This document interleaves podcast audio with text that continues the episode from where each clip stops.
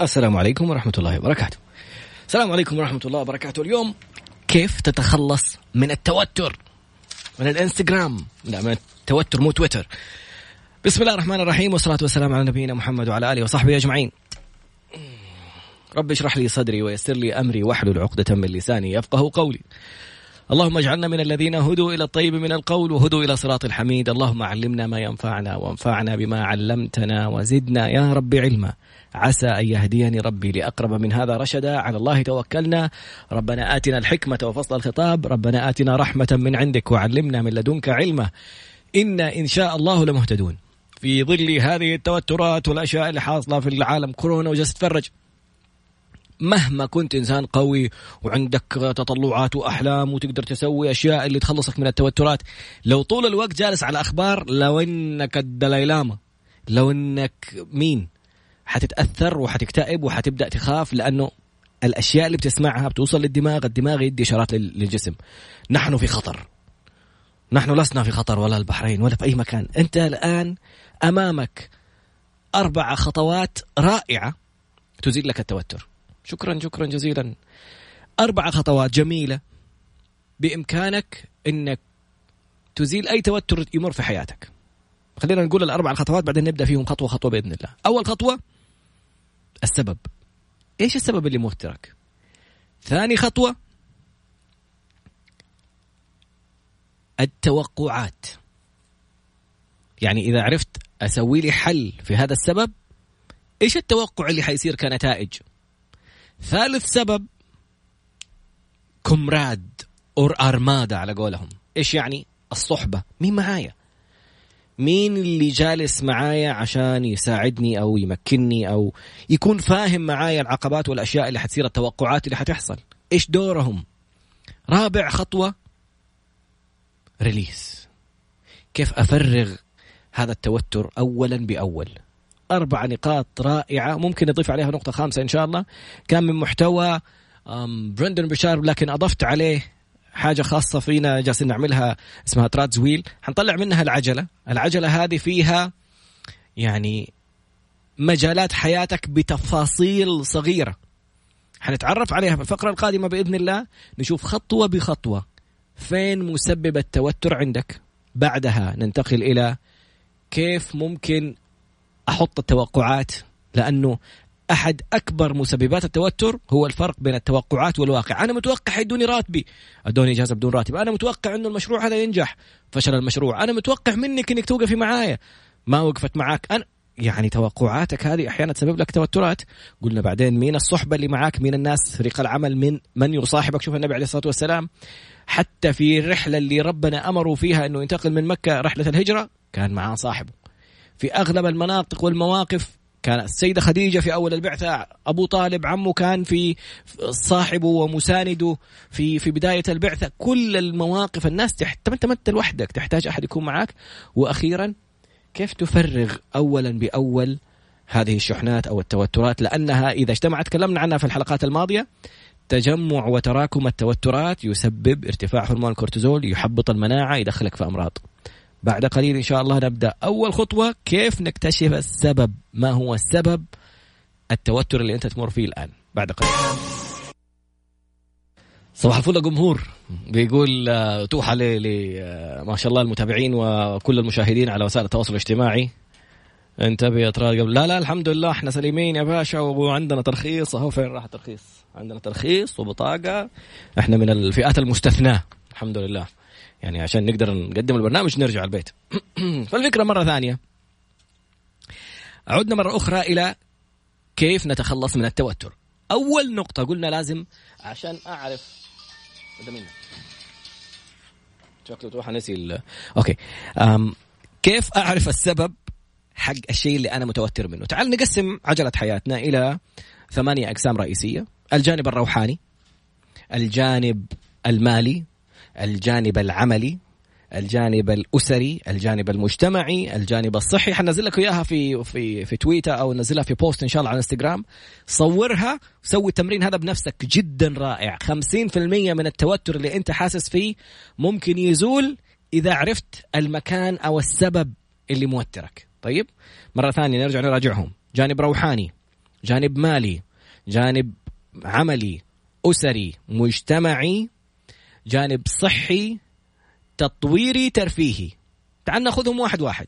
الجانب الروحاني شوف أمس طلعت أصالة نصري وبتقول أول مرة تطلع live على الانستغرام باين إنها أول مرة تطلع live بتروح تقول لأولادها اسكتوا خلاص ماني عارفة أتكلم وما أدري مين والناس كلها سامعه لكن قالت كلمة جدا رائعة. اعترفت بحاجة جميلة. قالت أنا أعترف إني أنا ما كنت أصلي. أول ما جاء موضوع كورونا توترت وصرت متضايقة وما أدري مين. بعدين قلت إنه حقيقه أنا بعيد عن ربي يعني كنت مشغولة إني حتى أصلي. أختها ملتزمة بالصلاة فتقول سويت لي نفسي كورنر حق مصلى وصرت أقرأ قرآن صرت أقرأ كلام ربي. أحس إنه إحساس شعور مختلف. جميل هذا الشعور. الآن نتكلم على الصلوات والفرائض. هذا جانب من الجوانب الروحانية. الجانب الثاني السنن. كلام الله تصلي سنة تصلي ضحى تصلي وتر تصلي الأشياء تقرأ أحاديث تقرأ تفسير آيات عشان تفهم إيش اللي بتسويه الجانب الثالث في الجانب الروحاني خلينا نقول التفكر. لما أشوف البوست حق أحمد الشقيري في إنستغرام لما أشوف الكرة الأرضية بناء مقارنة ب الكرة الأرضية مقارنة بالشمس وحجم يعني الشمس تكفي مليون وثلاثمية ألف كرة أرضية وغيرها من الكواكب والملكوت وال يعني أشياء كثير. ما تتخيل لما تعرف قدرة الله و, و يعني عظم خلق الله يتفكروا في خلق السماوات والأرض. تشوف الأشياء اللي تحت البحر تشوف الأشياء اللي في الجو تشوف الأشياء اللي في الفضاء تشوف الغلاف الجوي. هذا التفكر في مخلوقات الله هذه نقطة كمان إضافة روحانية رائعة. تخليك ما تخاف أصلا. عارفين إنه هذا جند من جنود الله. آه، النبي عليه الصلاة والسلام يقول في كل مئة عام يأتي على الناس من يذكرهم بالله. تعرف قوة الله تعرف ضعفك. بعدها نخلص من هذه. نجي النقطة اللي يسموها التأمل. التأمل حنخليها للأخير. هي جانب روحاني بس هو من أقوى الجوانب اللي حنخليك إزالة توترات. خلصنا الجانب الروحاني. نجي على الجانب المالي. عليك ديون. هذه من الأشياء المهمة وال يعني النبي عليه الصلاة والسلام صلى على عبد الله بن أبي بن سلول رأس المنافقين ولم يصلي على مديون إلى أن واحد من الصحابة قال يا رسول الله أنا علي بدينه أنا أسد دينه يا رسول الله. فراح صلى عليه. وفضل يسأل أسددت دينه اسددت إلين ما قال له نعم يا رسول الله؟ قال الآن يرتاح أخوك في تربتي. فموضوع الجانب المالي ديون أول شيء. بعدين مستحقات. هل لك فلوس عند أحد؟ عندك مستحقات مالية. بعدين استثمار. هل أنت عندك شيء مستثمر وممكن يدخل لك فلوس؟ بعدين ادخار. هل على قول الدكتور عثمان بعثمان هل مدخر مبلغ مالي مخليه لها أو مثل وقت هذه الأزمات؟ يعني توقفت في ناس توقفت رواتبهم ناس أخذوا إجازات ناس ما تعرف الفترة اللي ممكن يصير فيها توقف. هل عندك مصدر أنت مسيفه عشان تمشي عليه تصرف على نفسك منه؟ هذا الجانب المالي. تيجي للجانب الأسري. الجانب الأسري أو العملي خلينا نقول. العملي وظيفتك مشروعك الخاص إذا عندك فريق العمل أهدافك أو الأشياء شغفك إذا خلينا كيف ممكن نحوله إلى جانب عملي. هذه الرباعية فريق العمل هل أنتم متفاهمين في الفترة هذه إيش حيصير؟ هل في رواتب؟ ما في رواتب. إذا عندك مشروعك الخاص مثلا إيجاراتك اشيائك هذه التفاصيل الخاصة بعملك الخاص. رواتبك إذا أنت موظف هل حتاخذ إجازة؟ هل راتبك ماشي؟ إيش اللي ساير معاك؟ إذا مو... قلنا شغفك هل عندك الآن إمكانية في هذا الوقت اللي فيه فراغ كبير وممكن تستثمر فيه تحول شغفك تبدأ تعمل منه دخل تشوف الأشياء الأونلاين الكورسات اللي ممكن تعمل ال content أو المحتوى حق خبراتك تعمله في كورسات؟ هذه كلها الجانب العملي. تعال الجانب الأسري. الوالدين أول خط أمامي دفاعي في العلاقات اللي رضا الله من رضاهم. كثير من الناس اللي فقدوا والديهم تلاقيهم أيام عيد الأم ولا شيء يبكوا ويرسلوا رسائل اللي عنده امه يجلس بين رجولها يجلس تحت أقدامها يقول يتم يعني يطوف حوالينها. وفي واحدة قالت طوف حوالين أمك حتى ترضى. يعني لدرجة إنها كيف تقول ما كنت حاسة بالنعمة إلى ما فقدتها لما فقدت والدتها. الوالدين بعدين شريك الحياة. هل هو موجود ولا ما هو موجود؟ هل في مشكلة معاه ولا لا؟ بعدين الأبناء والإخوان. إذا عندك انت متزوج عندك أبناء أو إخوانك يعني الصلة المقربة الأسرة. بعدين الأرحام. هذه موضوع العائلة. نجي للموضوع اللي بعده أو العجلة اللي بعدها موضوع المجتمع. تبدأ بالشيء المجتمعي على شكل كبير مثلا إنك يكون عندك شيء تعلمه للناس تطلع تتكلم تقول معلومة إنك تقدر تتطوع يعني مجموعة أقل التعليم ممكن تدخل حاجة أونلاين وكثير يستفيدوا منها. الم... الفئة اللي أقل مثلا تتطوع تروح تساعد أسرة تساعد حاجة يستفيدوا منك عدد أقل. مثلا تعلم شخص على مهنة معينة ولا على حرفة معينة هذا شخص واحد. أول قلنا مجموعة كبيرة بعدين أسرة مثلا تتطوع تساعدهم بعدين شخص تساعده شخصيا. بعدين ممكن تتوسط لشخص تعرف علاقاتك تقدر تساعد شخص إنه يتوظف يتسدين ويصير له شيء. هذه موضوع الأشياء الاجتماعية. تعال الجانب الصحي. نومك وأكلك وشربك ورياضتك. طبعا النوم كثير من الناس بيستهتر في هذا الموضوع. دراسات لأكثر من خمسين سنة تتكلم على سبعة إلى ثمانية ساعات نوم تحتاجها كإنسان بالغ عاقل. أنا أنام ستة أنا تكفيني خمسة. أنت عودت نفسك بالاختبارات أي مهارة أنت تتابعها أو تتقنها شوف لما تنام خمسة ساعات وشوف لما تنام سبعة ساعات. كيف أدائك وعطائك يكون أفضل؟ لو في مقيمين حيقيموا أدائك بشكل أفضل بشكل فارق كبير جدا على فرق الساعة النوم. تجمع قلة الساعات النوم يعني نمت اليوم ستة ساعات ستة ساعات ستة ساعات. على مدى أسبوع كأنك لك يوم كامل ما نمت. أدائك منخفض. الأكل والشرب كم عدد السعرات الحرارية اللي تحرقها؟ في واحد يحط لك صحن كله فواكه يقول لك فاكهة. طب ما هي سعرات حرارية داخلة. أنت بتحرق نفس عدد السعرات الحرارية ولا لا؟ يجيب لك الصحن يعبي يقول لك صحن واحد. ما أنت صحن واحد حطيت فيه حق عشر أشخاص.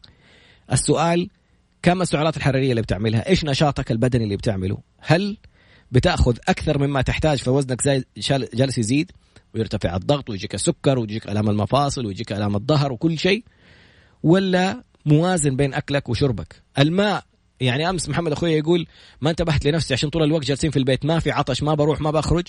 ماني منتبه إني اشرب موية بشكل كافي. أنت تحتاج من سبعة إلى ثمانية كاسات موية في اليوم.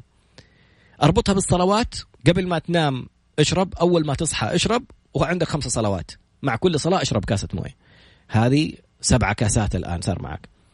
بعدها كمان موضوع الرياضة الحركة. في بيتك. الآن في تمارين بدر زيدان نزل فيديوهات.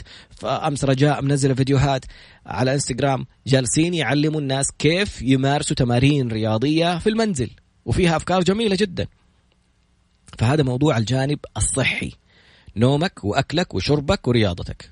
نجي للجانب التطويري. إحساسك إنه ما في شيء جديد في حياتك ممل متعب. تعال نمسك كل الجوانب. كيف يكون في جانب تطويري في في الناحية الروحانية؟ كيف أتعلم التأمل؟ كيف أتعلم التفكر؟ كيف أقرأ في التفسير عشان أفهم الآيات اللي بقرأها؟ كيف أقرأ أتعلم عن كيف أخشع في صلاتي؟ كيف أتابع فيديوهات خاصة مثلا مصطفى حسني أشخاص مختلفين؟ اللي أنت يعجبك من الناحية الدينية كيف ممكن تتابع وتتعلم منه؟ نيجي للجانب المالي تعال خذ دورات في كيف تسوي ميزانية الدخل حقك. كيف تسوي ميزانية الشغل حقك عشان أحيانا تصير مشاكل كثير. كيف ممكن إذا عندك ميزانية تقدر تطلب عليها قروض ولا تطلب عليها تمويل ولا يعني أي دعم مادي من جهات مختلفة؟ يحتاج يقول لك أبغى أعرف أنت ناجح ولا ما أنت ناجح أنت أديك دعم وبعدين ألاقيك خسران وما أنت عارف تسدد وأسجنك. فالجانب الروحاني كيف أتعلم أتطور فيه؟ الجانب المالي الجانب الأسري كيف أدخل على جسم المطوع أدخل على مختصين أسريين أتعلم منهم كيف أتعامل مع أطفالي كيف أتعامل مع والديني كيف أتعامل مع زوجتي مع أبنائي. الجانب الاجتماعي كيف ممكن أخدم الناس وأنا في بيتي؟ إيش اللي ممكن أعمله كمساعدة؟ الجانب الصحي كيف ممكن آخذ كورسات أونلاين على دورات تدريبية رياضية؟ كيف أعرف آه، أنظم أكلي ولا أطبخ أكل صحي في البيت؟ كيف أعرف أهمية النوم ولا التقنيات اللي تساعدني كيف أنام؟ لما تطور نفسك في كل جوانب الحياة هذه حتلاقي نفسك حسيت إنه لحياتي معنى. واو إيش الشيء الجديد ده اللي أنا معقول ما كنت أتوقع ما شاء الله إني أقدر أسوي هذا كله وأنا في البيت. نوصل للجانب الترفيهي هو الجانب الأخير. ترفيه موهبة غير الشغف. إحنا قلنا الشغف ممكن تحوله بزنس وتدخل منه فلوس. في موهبة الشيء اللي أنت كويس فيه. وفي شيء تستمتع فيه. يعني ممكن أنت تستمتع إنك تغني مع إنه صوتك سيء جدا بس أنت تحب تغني يا أخي غني. الموهبة شيء كويس بس ما ما تحوله لشغف ما تحوله لشغل مثلا. موهوب إنك ترسم تعزف تغني تكتب تسوي شيء. هذا شيء يعني تستمتع فيه وانت مبدع فيه. هذه يسموه موهوب في الشيء ده.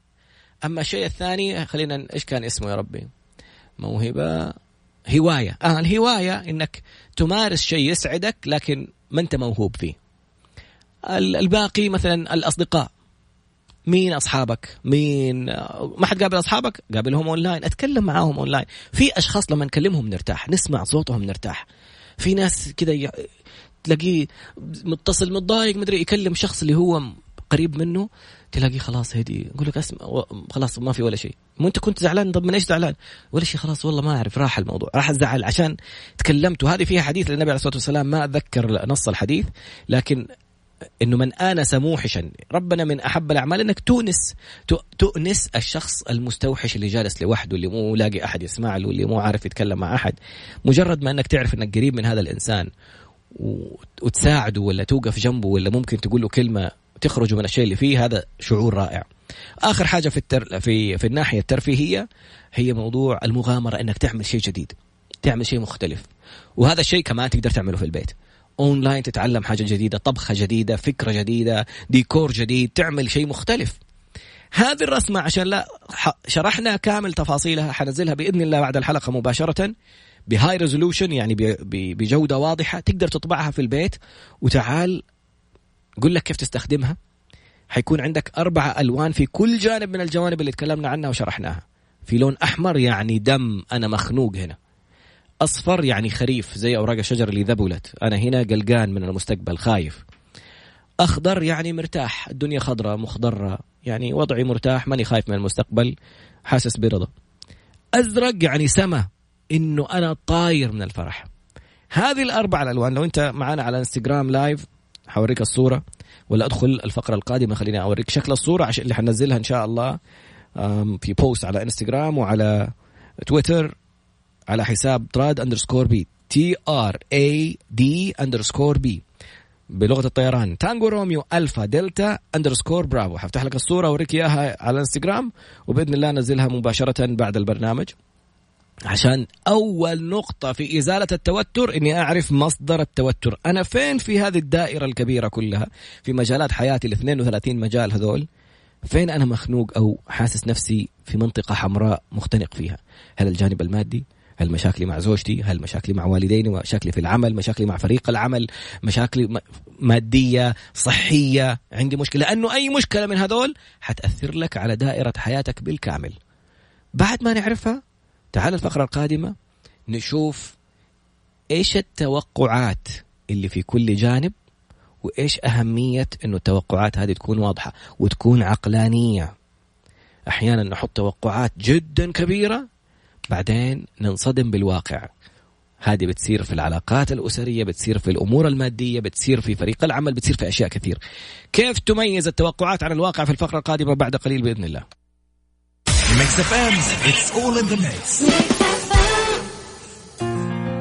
دمتم بصحة. دمتم. فتحنا الصورة يعني في الكاميرا حقت الانستغرام على تراد underscore B تقدر تسمعنا على Mix FM SA dot com Mix FM SA dot com هنا الفكرة مرة ثانية عشان تبان في الصورة إن شاء الله تكون واضحة. إذا ما كنت تسمعنا أو تسمع الحلقة مسجله حتلاقيها في تغريدة أو في post في انستغرام بإذن الله. هنا هذه الألوان اللي قلنا عليها. اللون أنا اصبعي باين في الشاشة. أيوه. أوكي. اللون الأحمر مختنق في هذا المجال. اللون الأصفر يعني ماني مرتاح قلق. اللون الأخضر مرتاح اللون الأزرق متحمس. بعدين صايبين فراغ في كل مجال. ليش الفراغ هذا؟ هذا الفراغ فكرته أنك تحط هدف. في كل مجال من المجالات. كيف أخرج؟ إحنا جالسين اليوم نتكلم عن كيف أتخلص من التوترات في حياتي. أول جانب من الجوانب اللي أو أول خطوة اللي تعتبر 50% من أي خروج من التوتر إني أعرف إيش سبب التوتر. لما أنتبه إنه الموضوع هذا كل اللي أنا ساير فيه عشان موضوع واحد مادي أو موضوع واحد مثلا علاقتي مع زوجتي أو خطيبتي أو بنتي أو ابني أو أبوي ولا أمي ولا أي أحد في حياتي حنتبه إنه طيب باقي المجالات جيدة الحمد لله. أنا صحتي كويسة أنا شغلي كويس أنا وضعي كويس أنا علاقتي مع ربنا كويسة. جاء على الجانب هذا المادي مثلا. اللي عندي مشكلة كيف الآن أدخل في الخطوة الثانية؟ أول حاجة أحط أهداف لكل جانب الجانب المادي إيش ممكن أعمل؟ هذا الشخص كيف ممكن أتفق معاه على آلية السداد؟ على آلية إذا كان عندك دين أو على أوضح له إيش الموضوع اللي ساير إيش الظرف اللي حصل الآن التغيرات اللي حاصلة التفاصيل كيف؟ أحيانا نخاف نواجه ونبدأ نتهرب تهربك يكبر المشكلة بطريقة يخليها أسوأ. الشخص يحسبك تتهرب منه زوجتك تحسبك ما انت مهتم أبوك يحسبك ما, ما تبغى رضاه وتبدأ المشاكل والتبعات تكبر وتكبر. الآن خلينا نحط هدف هدف هدف لكل جزء من الأجزاء اللي في العجلة اللي تكلمنا عنها. أول ما أخلص تعال للمقربين منك. أنا وضعي المادي كذا. ممكن يكون صار لك تغيير في وضعك المادي. إيش المتوقع اللي يحصل؟ والله متوقع إنه ممكن أطالب بكذا أو متوقع إنه ما أقدر أسدد المبلغ هذا متوقع إنه ما أقدر أجيب المقاضي اليوم الشهر هذا متوقع إنه ممكن أشوف لي حاجة ثانية إيش أقدر أسوي منها متوقع متوقع حط التوقعات. أنا متوقع إني أجيب ديل بمليون. هل هذا الوضع الآن يعتبر وضع حقيقي ممكن يحصل فعليا ولا لا؟ إذا ما أنت متأكد إيش البدائل؟ إيش التوقعات اللي ممكن تكون كخطوات بديلة لك تقدر تسدد منها أو تعمل منها احتياطاتك والله يا جماعة إحنا متوقعين إذا أنت صاحب مشروع صغير. الآن كثير من المشاريع الصغيرة في مواجهة لتحديات كبيرة. فالآن متوقعين إنه نسوي مشروع. طب لو ما صار المشروع لا قدر الله. تعال وضح لفريق العمل إنه لو ما صار المشروع إحنا ممكن نأجل الرواتب هذه أو ما يكون في رواتب هذا الشهر نأجلها للشهر القادم. أو نبدأ الشغل من الشهر القادم أو ممكن تشتغلوا من البيت نقدر نسوي أشياء بديلة. إيش ممكن نعمل؟ مين من عملائنا السابقين؟ حط التوقعات اللي تبغاها. لازم الناس اللي حولك يكونوا عارفينها. الفرق بين وأحد أكبر مسبب المشاكل هو الفرق بين التوقعات والواقع. واحدة بتقول خطبني واحد وبعدين بعد ما تقربنا ومدري مين لقيته مهتم في صاحبتي فلما صارت مشكلة فضل يهتم في صاحبتي وسابني أنا. باين إنه شخص لعوب وإنسان جالس يحاول يوصل أنت وصل لك يبغى يخلص هذيك ما وصل لها عشان كذا مهتم. ولو وصل لها ممكن يسوي نفس الحركة. ففي النهاية أنا عرفت هذا الإنسان يناسب ولا ما يناسب؟ انتهى إكس كبير راح. اللي بعده أنت. لما تكون ماشي في مكان وأحد ادكف طب اداني كف انت أنت واقف في مكانك والناس كلها بتمر كأنه الحياة. أنت صار لك موقف. الناس بتمشي في حياتها. اللي ضربك نفسه مشي. وفي ناس بتمشي من جنبك وانت واقف لي تبكي. طب الناس بيمروا على سلامات معليش حبيبي؟ خلاص إن شاء الله مرة ثانية. ربنا يعوضك عنه ربنا ييسر لك أمرك. أنت طيب لا أنا لست... الناس حتمل وهي واقفة جنبك بيكملوا حياتهم. كملي حياتك أنت كمان. نفس الموقف أحيانا نجلس ناخذه من جانب آخر وتخلت عني فلانه وصار هل أنت كنت واضح في التوقعات اللي ممكن تحصل؟ واحد يقول لي تخلت عني في أصعب ظرف وبن. انت ما كنت هو اتكلم على حالة شخصية. انت ما كنت قايل لها إنه هذه المشكلة ممكن تصير لما صارت هي انصدمت. ما هي معاك على الخريطة ما هي معاك على الدائرة ما هي عارفة إيش اللي صاير معاك في الناحية هذه وما هي عارفة إيش المتوقع يصير. فلما تشوف نفسها كأنها غريبة الناس عارفين وإنت مخبي عليها. وبعدين تقول لي ليش راحت وليش سابتني وليش ما أدري مين؟ لأنك أنت صدمتها. بين التوقعات والواقع. التوقعات والواقع لعبة جدا مهمة. حلقة كاملة نزلنا فيها آه، من اسمها أسئلة المخطوبين. طلعها الدكتور جاسم المطوع. ليش؟ لأنه جاء هو الرجال كان يشتغل في محكمة الأحوال الشخصية في الكويت. فبيقول شفت أكثر الأشياء اللي سببت الطلاق فعملها كأسئلة. ليش الناس تدخل وهي متوقعة؟ أنا متوقع أنها تتحجب بعد الزواج. طب انت عارف انها ما هي محجبة. ليش أخذت الموضوع؟ ليش ما تكلمتوا في الموضوع قبل ما تروح؟ قبل ما تبدأ. أنا توقعت إنها ما هي متحجبة طلعت محجبة وأنا بروح اماكن بغض النظر عن الحلال والحرام أنا بتكلم عن توقعات وواقع. متو... كنت متوقعته غني طلع ما هو غني. كنت متوقعه إنه رياضي طلع ما هو رياضي. طلع أشياء كثير في التوقع. ما كنت أعرف كنت متوقع إنه سليم طلع عنده مرض مثلا ولا طلع عنده شيء مرض مزمن. أنا على أي أساس أحكم على الأشخاص إنهم سيئين وبطالين وأنت ما كنت موضح لهم من البداية. فنقطة هامة جدا في إزالة التوتر بعد معرفة السبب ووضع أهداف لحلول هذه الأسباب نجي للنقطة الثانية التوقعات. وتكون واضحة مع الكل. فريق العمل يا جماعة ترى إحنا وضعنا واحد اثنين ثلاثة. الأسرة يا جماعة الوضع المادي كذا كذا كذا. أبنائك بناتك زوجتك صديقك مديرك كل من حولك لازم الموضوع يكون واضح معاهم تقول لهم إيش اللي حاصل وإيش المتوقع يحصل. الفقرة القادمة نقطة هامة جدا في إزالة التوترات. كيف بترجع بيتكم؟ لا لا عندي تصريح. نقطة هامة جدا في إزالة التوترات. من معك؟ شوف النبي عليه الصلاة والسلام أخت... ربنا اختار له أصحابه وقال عليه الصلاة والسلام خير القرون قرني ثم الذين يلونهم ثم الذين يلونهم. هل هم ما يغلطوا في منهم من زنا وفي منهم من أشياء كثيرة صارت منهم بشر. لكن في النهاية في في صحبة في ناس حوله. زي ما قلنا أبو طالب عمه رضي الله عنه آه رحمة الله عليه ما أعرف عدوه يعني ما ما آمن قبل ما آه يموت. لكن الله أعلم إيش يكون مصيره. آه أبو طالب كان جنبه كان داعمه. سيدة خديجة رضي الله عنها. أبو بكر في رحلة آه، الهجرة ومواقف كثيرة جدا كان في صاحب في سند في أحد يكون جنبك. الفقرة القادمة من حولك من معك بعد قليل إن شاء الله. عدنا مرة أخرى وفقرة مهمة جدا في إزالة التوترات. نمر في مواقف الناس ممكن تتوتر فيها ماديا اجتماعيا صحيا الخوف الأخبار المجتمع الأشياء التطوير. الصحة كل هذه الأشياء ممكن تكون من مسببات من مسببات التوترات. خلينا نشوف مرة ثانية. تعلمنا على أول نقطة أعرف سبب التوتر عشان كيف أقدر أتخلص منه. مجرد معرفتي لسبب التوتر حيساعدني 50% إني أنا أتخلص من ال... يعني يريحني 50% يزيل التوتر 50% من التوترات تزول إذا عرفت السبب. أوكي أنا طلع عندي بس هذا الجانب اللي متعبني ماديا اسريا عمليا أي مشكلة في في عجلة الحياة صحيا فأنا كل التوترات اللي جالس أسويها عشان ذا الموضوع. النقطة الثانية حط خارطة التوقعات. قول للأشخاص اللي حولك. قول للشخص اللي أنت ملتزم في مبلغ تبى تسدد له إياه. زوجتك وأبنائك في موضوع مصروفاتك وقدراتك الآن. موضوع عملك مديرك إيش طبيعة العمل وإيش الأشياء اللي بتصير. مجتمعك إذا أنت متعود تطلع للمجتمع وتقول حاجة فهمهم إيش المتوقع إنه يصير في في الخطوات المستقبلية أو في الأيام القادمة. وهكذا. صحيا كل المجالات الآن لازم تحط التوقعات قلنا عليها الفقرة الماضية. النقطة الثالثة من معك؟ يعني خليني أعطيك أمثلة شخصية مثلا. في شعار أبغى أسويه شخصي. فالرا عندي ما شاء الله رائعتين داليا ولارا. لارا قالت لي تراد شيل اللوجو من راسك سيبني أشتغل عليه. عجبتك الفكرة؟ قلت لها رائعة ما شاء الله.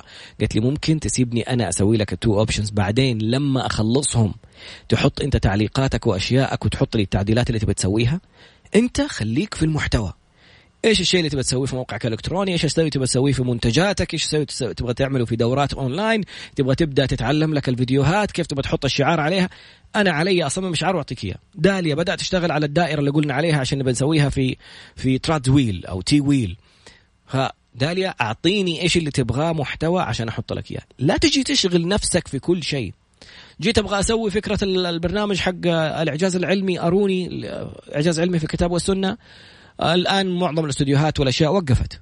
طب إيش أسوي؟ أدخل أنا أتعلم الرسمات إيش يسموها؟ ال whiteboard هذه انه كيف كأنه أنا أتكلم وأحد بيرسم. بعدين ليه تسوي كل شيء بنفسك؟ متى حتتقن اللعبة؟ ومتى حتسويها؟ ومتى حتعملها؟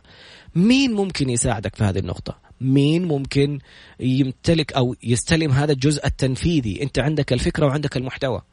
كلمنا عدنان باديب. عدنان مليمتر كذا كذا إيش الموضوع؟ إيش رأيك في الفكرة كذا؟ كذا مين ممكن يساعدنا فيها؟ نبغى بس مكان نصور فيه على خلفيات خضراء عشان نرسل للأردن عشان يسووها بال graphics وال animation والأشياء. قال لي ليش الأردن الآن موجود عندنا team كامل؟ أنا متصل استشيره وأسأله طلع عنده الحل بالكامل. فمجرد إنك تلاقي أحد معك يؤمن بالفكرة اللي أنت بتسويها ولا يؤمن بالهدف اللي تبغى تعمله أو يكون معك في فريق العمل. كثير قلنا من التوقعات إنك أنت تيجي تدخل في مشروع وتشوف فريق العمل ما سوى شيء. أنتوا إحنا أخذنا المشروع ده ما حد سوى ما حد عمل. طب أنت ما حطيت لهم التوقعات؟ داليا أنا متوقع منك تعملي كذا نبيل متوقع منك تعملي كذا وائل ممكن أنا متوقع. كل واحد لازم يكون فاهم إيش الدور اللي عليه وخلاص ياخذ بالدور هذا ويعمله. أحيانا أنت كصاحب مشروع أو رب أسرة أو مقدم برنامج أو مدير في شركة جالس تشغل نفسك بأشياء المفروض ما تشغل نفسك فيها.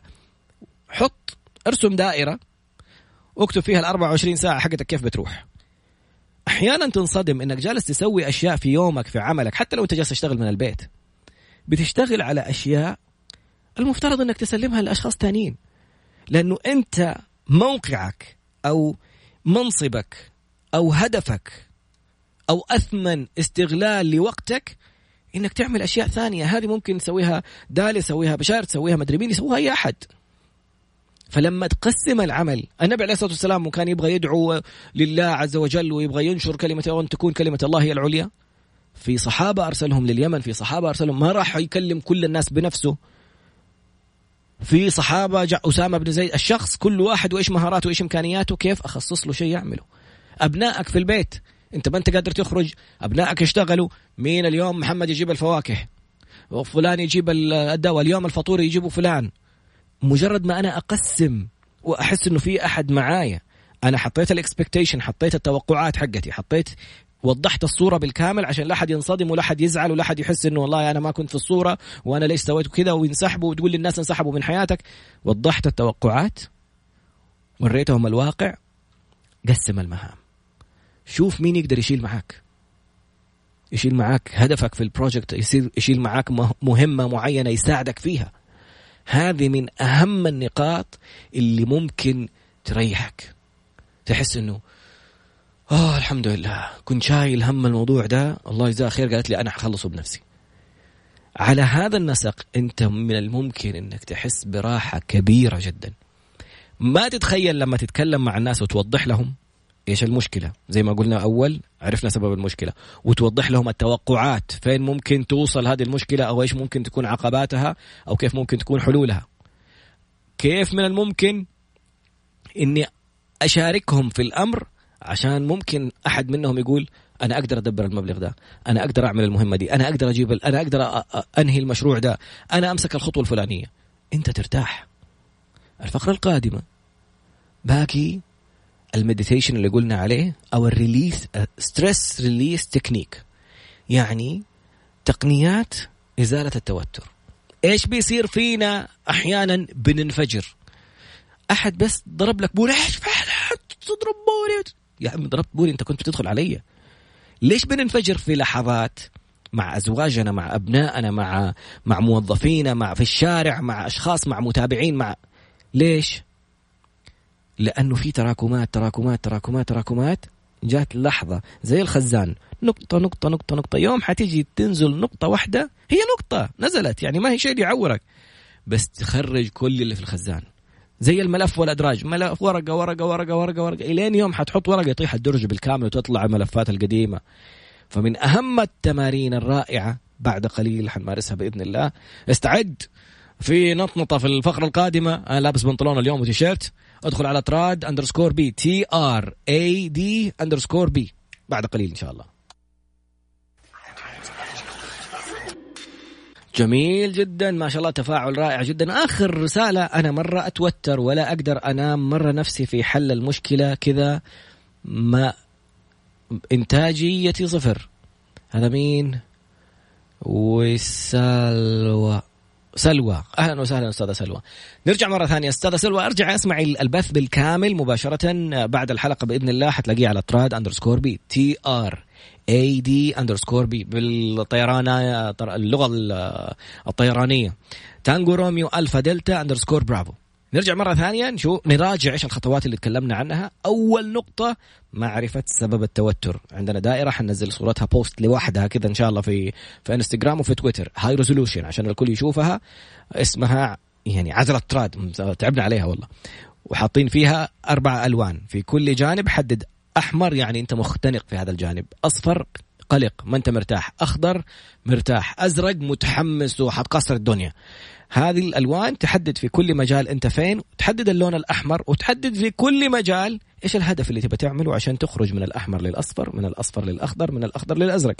الجميل أنه سوينا ورشة عمل في ناس مجرد ما عرفوا الأسباب اكتشفوا أنهم خرجوا من التوتر.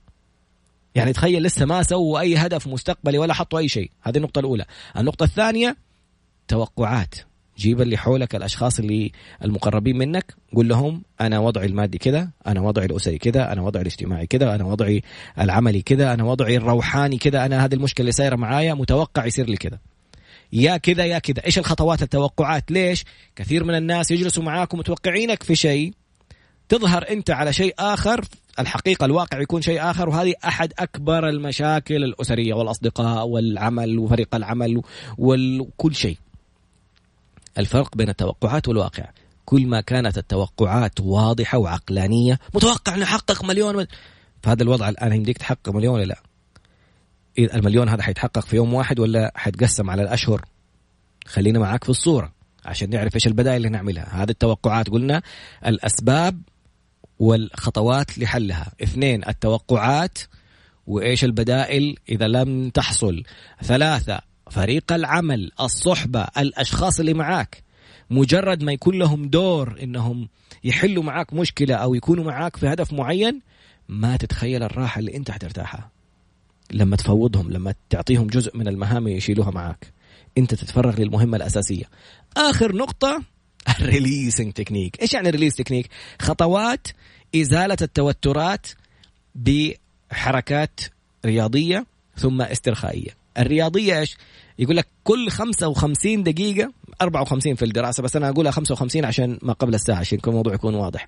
لازم تقوم. لازم تاخذ break ثلاثة أربعة خمسة دقائق تغير جو. من الأشياء اللي تعملها في هذه ال break اللي أبو خمسة دقائق بإمكانك تعمل إيش؟ آه أيوة اللي بيشوفوه كذا نرجع. توقف. أرفع صوتي شوية. إن شاء الله كل شيء مقفل. okay sorry. okay. توقف وتمارس القفزات التسخينية حقت الرياضة زي اللي كانت أيام المدرسة. ترفع تبعد رجلينك الاثنين وترفع يدينك الاثنين بعيد زي كذا. تعدها إلى خلينا نقول 12 12 عده وأنت بتمارس هذه النقطة. ها مجرد قيامك من مكانك لا تجلس في أي شغلة بتسويها أكثر من 55 دقيقة. مهما كانت مهمة مهما كانت رائعة مهما كان مهما كنت مستمتع فيها هذه النقطة تكسر الروتين وتغير لك جلستك لأنه أحيانا تكون جالس غلط. بتكون ما أنت مرتاح تكون جلستك رجلك مثنية حتنام نملت رجلك. في ناس يفضلوا إنها كل 15 دقيقة تعدل جلستك ولا تسوي شيء. لكن على الأقل كل 55 دقيقة لازم تقوم تتحرك. بعد الحركة بعد التمارين اللي فيه القفزات ولا في الحركات اللي ممكن تسويها في تمارين التسخين معروفة اللي زي الأشياء السويدية. ثلاث دقائق فقط للتمارين هذه ممكن تكون كافية إنها تغير لك نفسيتك شوف صوتي كيف تغير. بعد ما تخلصها أجلس عندنا تمرين استرخاء. إيش مهمه تمرين الاسترخاء هذا؟ هذا التمرين اسمه التمارين البينية. ليش؟ تمرين بيني يعني بين كل مهمة وأخرى. ليش مهم هذا الموضوع؟ لأنه أنت لما ترجع بيتك الساعة ثلاثة وابنك يجي يقول بابا وطحت كاسة ولا شيء أنا كم مرة أقول ما أنت ما أنت معصب عشان الكاسة. أنت معصب عشان وأنت رايح الدوام كان زحمة بعدين مديرك مدري إيش قال لك. بعدين زميلك في العمل دبسك في شغلة المفروض ما تخلصها. بعدين في الرجعة اكتشفت إنه في خبر حاجة في الإدارة. بعدين موضوع متى حترجع ولازم ترجع قبل موضوع الحجر هذا والأشياء اللي تعملها. فالتوترات هذه أنت وصلتك إلين ما وصلت البيت أنفجرت على أهلك. أو العكس أنت جاي في حادث في الطريق لا قدر الله في حاجة صارت وصلت. الدكتور إبراهيم الفقي يقول الكوباية بتاعتك. يعني جاء أحد سقط عليك في الشارع الكوباية اتملت ما تبغى تكلم أحد. دخلت المكتب وأنت معصب قالوا لك مبروك في زيادة راتب. انبسطت تفرغت الكوباية. بعدين أحد قال لك في حتنقل أنت من المكتب هذا حتروح مكتب ثاني وأنت مرة مرتبط بمكتبك الكوباية اتملت. بس قالوا لك حيصير منصبك أعلى ويصير الكوباية تفرغت. يعني لا تخلي أحد يملى كوبك. طيب كيف ممكن أنا أفرغ كوبي بعد ما أقوم أسوي الحركات الرياضية اللي قلنا عليها؟ أجلس في كرسي يكون الكرسي في إمكانية. إني أحط يديني تكون مسترخية يعني يدي على مستوى كتفي خلاص ارتاحت الأكواع. أنت لو شايفنا ادخل على تراد underscore B T R A D underscore B تفرج okay؟ يديني مسترخيه يعني متكيها. ظهري مسترخي المايك يوصل. okay؟ ظهري مسترخي. المفروض يكون في حاجة للراس عشان أسند عليها راسي. ويد رجليني الاثنين القدمين جنب بعض. يديني على الكرسي أو على فخذيني إذا ما عندي التكايات حقت الكرسي.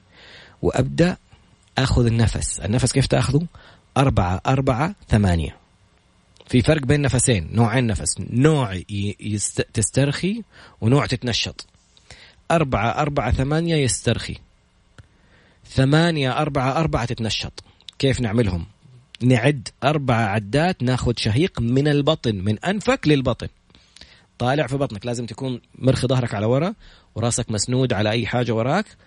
تاخذ نفس من بطنك يعني حط يدك في البداية على بطنك عشان تجرب انفخ البطن.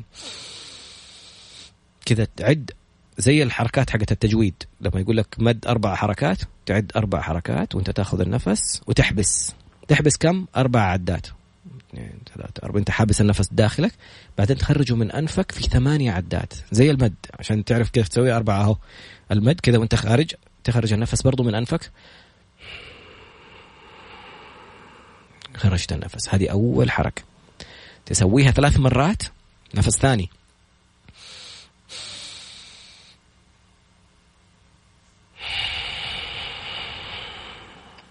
ترى الآن بس لو مارست التمس التنفس بدون ما تسوي أي شيء ثاني حتلاقي نفسك استرخيت. بس التنفس. الآن جاء دور إيش؟ إنك ترخي جبينك. عضلات الجبين. اعمل release كأنك بتقول استرخي. بتعطيها أمر. شفت الكبس حق الكهرباء لما تطفي الأنوار طق طق طق طق كذا ابغاك كل عضلة في جسمك من راسك حتى أخمص قدميك ترخيها. ارخي عضلات الجبين الحواجب. لو تشوفني دحين تشوف الملامح كيف كأنك وجهي بي بي كذا يذبل. الحواجب الجفون الخدين الفك الرقبة الكتفين العضدين اللي بين الكتف والكوع السواعد بين الكوع والكف الكفين الأصابع كأنك بتعمل ريليس كأنك بترخيهم كذا بعدين نفس ثاني نفس العدة أربعة أربعة ثمانية. احبس.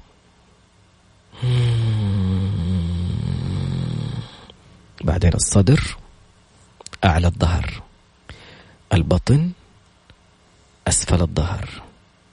الحوض الأرداف الفخذين الركبتين الساقين الكعبين مشط القدم أصابع القدم خذ لك نفس. وقف بعد ما تسوي هذه النقاط كلها تبدأ الآن إيش الشيء اللي أتمنى يصير في البيت؟ أنا داخل البيت. أبغى أشوف ابني جاي يجري علي أحضنه. أبغى زوجتي تكون مبتسمة وأنا أنبسط. أبغى أعلق لهم على موضوع الأكل على الشرب على الأشياء. خذ الأهداف اللي تبغى تحققها في دخلتك للبيت. إيش اللي الشيء اللي تتمناه يصير لما تدخل البيت؟ إيش الشيء اللي تتمناه يصير لما تدخل الاجتماع؟ إيش الشيء اللي تتمناه يصير لما تدخل البرنامج؟ إيش الشيء اللي تبغاه يصير لما يعني أي هدف تبغى تعمله الآن بعد ما تسترخي حطه في بالك وتخيل كأنه صار. الآن دخلت البرنامج سوينا تقنيات التوتر وعرفنا كيف أعرف أسباب التوتر. كيف أحط التوقعات ويكون اللي حولي كلهم عارفينها؟ كيف الصحبة والأشخاص اللي حولي يقدروا يساعدوني في إنجاز الأشياء اللي مسببت لي توتر؟ كيف أمارس الاسترخاء وأشوف نفسي بعد ما خلصت البرنامج؟ الناس مبسوطة وردات الفعل جميلة والناس تتفاعل ويقولوا جزاك الله خير ويدعوا لك ومدري مين. يعني استنى الحاجات دي هذه الخطوات مجرد ما تتقنها أنت تلاقي نفسك كل شغلة وشغلة دخلتها وجالس تبدع فيها. الناس يقولوا يا أخي أنت ما تزعل أنت ما تغ... ما ما يحمد يوترك ما ت... ما أنت شايف موضوع كورونا موضوع الحظر موضوع اهدى. سوي التمارين نطنط لك ثلاث دقائق سوي الاسترخاء ريليس كل الأشياء اللي صارت. الناس ما لها دخل اللي أنت جاي تكلمه في مكالمة تليفون ولا أهلك اللي داخل لهم في البيت ولا الأشياء اللي حتسويها لأهدافك القادمة هذه داخل على فريق عملك. أنا مالي دخل مين سقط عليك تجي تعصب علي. شكرا جزيلا انتهت حلقتنا وبدأ دورك. متوتر. في حلقات ماضية نزلنا منها في انستغرام بوست وقلنا إيش ممكن يسبب لك التوتر. كيف تتخلص من التوتر؟ اعرف السبب وإيش الهدف اللي ممكن يخرجك منه. اعرف التوقعات القادمة وكيف ممكن اللي كل اللي حولك يكونوا معك على نفس الصفحة. اعرف كيف اللي حولك ممكن يساعدوك ويشيلوا معاك وينجزوا معاك. أخيرا مارس تمارين إزالة التوتر هذه بين كل مهمة والثانية. لا تستنى نهاية الأسبوع لا تستنى بعد الدوام لا تستنى قبل ما تنام. سوي نفس الحركة دي قبل ما تنام كمان وشوف الراحة حتنام زي الطفل. في ثلاث كلمات بقول لك إياها قبل النوم عشان تساعدك لأنه النوم مهم جدا. قبل النوم بثلاث ساعات تكون آخر وجبة. فضل لك يعني ماكسيمم بعد المغرب مباشرة تتعشى. عشان إذا تعشيت سبعة 8 9 10 11 10 كذا تكون نايم. طيب قبل ساعتين وقف أي شيء في عمل عشان التفكير في العمل والأشياء دي ممكن تسبب لك أرق. قبل ساعة قفل كل الشاشات والجوالات والأشياء. تبي تقرأ قرآن قبل ما تنام مارس هذه التفاصيل الصغيرة. حتستمتع بيوم خالي من التوتر. سبحانك اللهم وبحمدك. أشهد أن لا إله إلا أنت. أستغفرك وأتوب إليك. شكرا أمي شكرا ألا شكرا عبد الرحمن شكرا جميع المشاركات الرائعة على إنستغرام. انتظر البوست القادم بإذن الله. حنزل فيه الحلقة اللي أيوه التفاصيل اللي ممكن تساعدك إنك تكتشف أنت في أي مجال متوتر. وبإذن الله تنهي التوترات. وفقكم الله. سبحانك اللهم وبحمدك. أشهد أن لا إله إلا أنت. أستغفرك وأتوب إليك. السلام عليكم.